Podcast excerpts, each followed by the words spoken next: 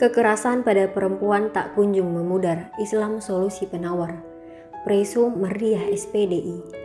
Kekerasan pada perempuan tidak pernah habis dibahas. Perempuan kerap menjadi pihak yang dipersalahkan atas kekerasan yang dialaminya. Gelagat victim blaming ini ditandai dengan kecenderungan memihak pelaku.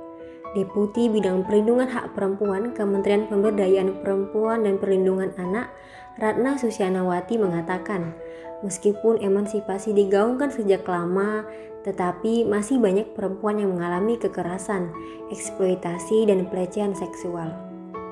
Namun, lagi-lagi formula untuk menyelesaikan persoalan kekerasan terhadap perempuan adalah dorongan untuk menyegerakan RUU PKS yang dianggap mampu mengakomodasi hak dan perlindungan terhadap perempuan.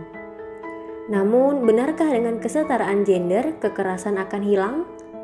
Akibat penerapan sistem kehidupan liberal berbasis sekuler, kebebasan berperilaku dan berekspresi membuat perempuan menjadi objek kekerasan dan eksploitasi. Islam telah menjamin serta menjaga dan memuliakan perempuan. Di hadapan Allah, laki-laki dan perempuan sama Ketakwaanlah yang menjadi barometer tingkat derajat seseorang. Dan Islam pun memberikan solusi problem perempuan secara komprehensif dengan pencegahan dan penindakan.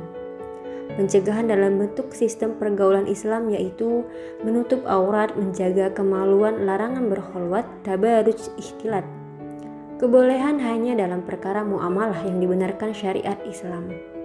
Kemudian dalam penindakan dilakukan secara adil dan tegas kepada pelaku kejahatan seksual atau tindak kriminal lainnya.